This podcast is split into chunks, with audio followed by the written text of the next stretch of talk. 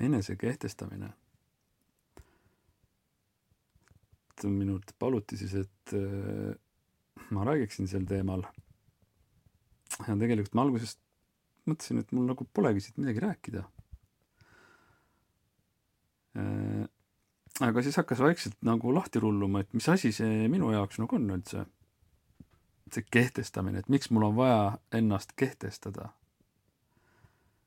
See on sellises olukorras, kus ma tunnen ennast väiksena.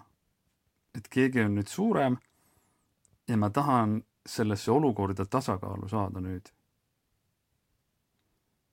sest kui ma olen suur ja tunnen ennast tugevalt, siis mida ma siis enam kehtestan, siis pole ju vaja seda nii, see on nagu teatud mõttes siis äh,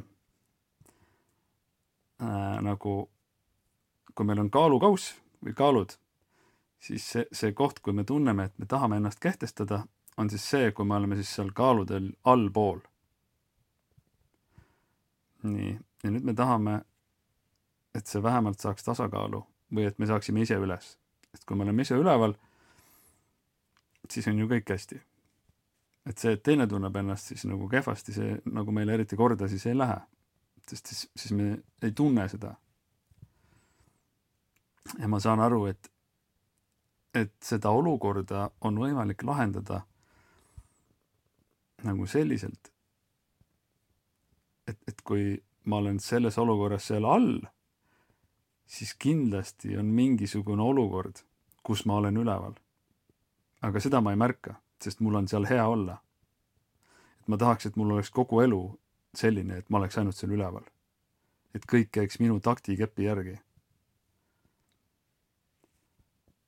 Ja nüüd, kui ma nagu mõistan seda, siis tegelikult hakkavad meelde tulema need kohad, kus ma ise tegelikult teistest üle sõidan nagu.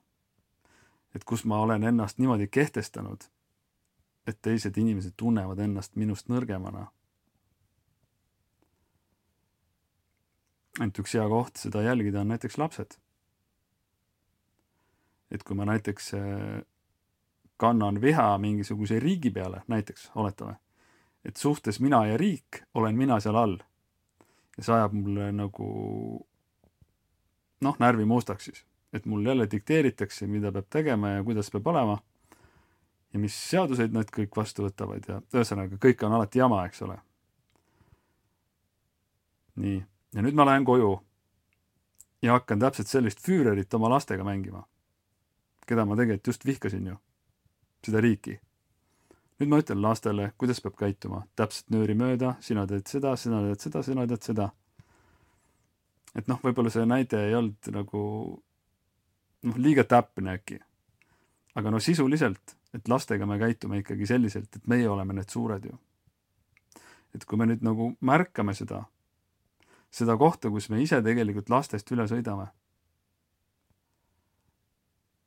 siis äh, selliselt on võimalik see ülesõitmine tegemata jätta. ja selliselt ei ole mul ka tegelikult vaja enam kehtestada ennast nii-öelda riigi silmis näiteks.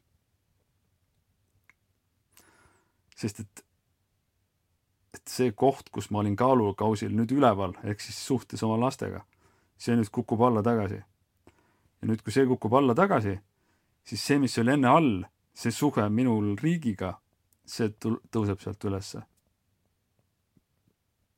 et, et meil ei ole võimalik nagu selliselt seda lahendada, et me saame kogu oma elu ainult olla üleval.